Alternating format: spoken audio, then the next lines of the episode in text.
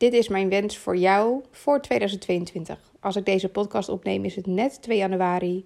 En blik ik zelf vooral eigenlijk niet terug op een 2021. Natuurlijk gaat het automatisch een beetje vanzelf. Ehm, dit is het jaar waarin Noortje geboren werd. Ehm, na een reis van bijna drie jaar, waarbij we hadden gedacht dat ze niet meer zou komen. Ehm, dit is verreweg, ik denk, het meest veranderende jaar geweest in mijn hele leven. Los van dat mijn business een ontzettende vlucht heeft genomen, uh, ben ik ook moeder geworden. En dat heeft gewoon heel veel dingen veranderd. Uh, ik snap ook ineens waarom het woord moe in moeder zit.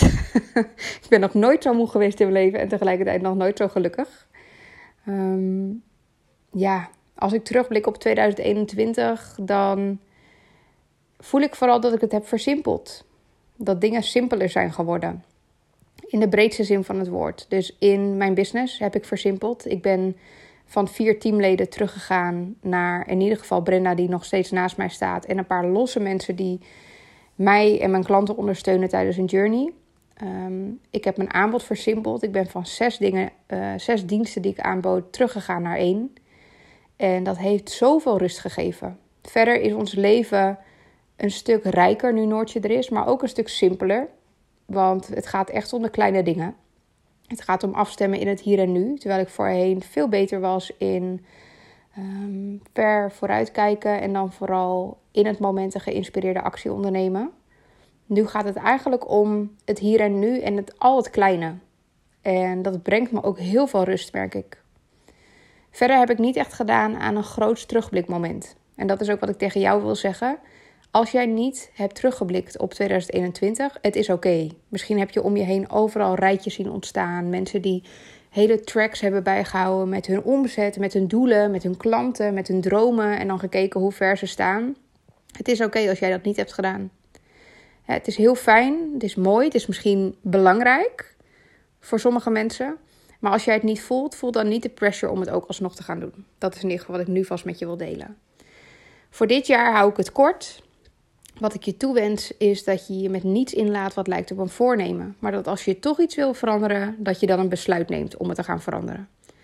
Ik wens jou ook toe dat het simpeler mag in je leven en in je business. Dat het hele, ja, het gewenste, het sociaal wenselijke randje, um, dat je die weg mag poetsen. En dat je ook wel de meest rauwe en pure versie van jezelf mag zijn. In je business, in hoe je je vertolkt online, maar ook in de relaties met de mensen om je heen. Ik wens je toe dat dit een jaar wordt waarin je veel minder concessies hoeft te doen, omwille van anderen. En dat je echt mag gaan voelen en ook ervoor mag gaan strijden wat voor jou belangrijk is. Um, ik wens je ook moed toe. Moed om dat allemaal aan te gaan. Omdat simpelweg de dingen die echt tot de grootste verandering leiden, vaak plaatsvinden waar het schuurt. En waar het schuurt is het ongemakkelijk en doet het soms een beetje pijn. En dat is precies waar je ook de glans vandaan haalt. Na wrijving pas glans. Dus ik wens je een hoop momenten toe waarop het schuurt, omdat daar simpelweg de meeste groei in zit. Ik wens je ook toe dat je het niet alleen hoeft te doen. Ook al voel je dat vanuit jezelf of vanuit je systeem, dat je gewend bent om misschien hard te werken, of ik ga het eerst zelf uitzoeken, of laat mij mijn eigen ding maar doen, of ik moet eerst nog wat dingen proberen. Ik wens je toe dat je om hulp mag vragen.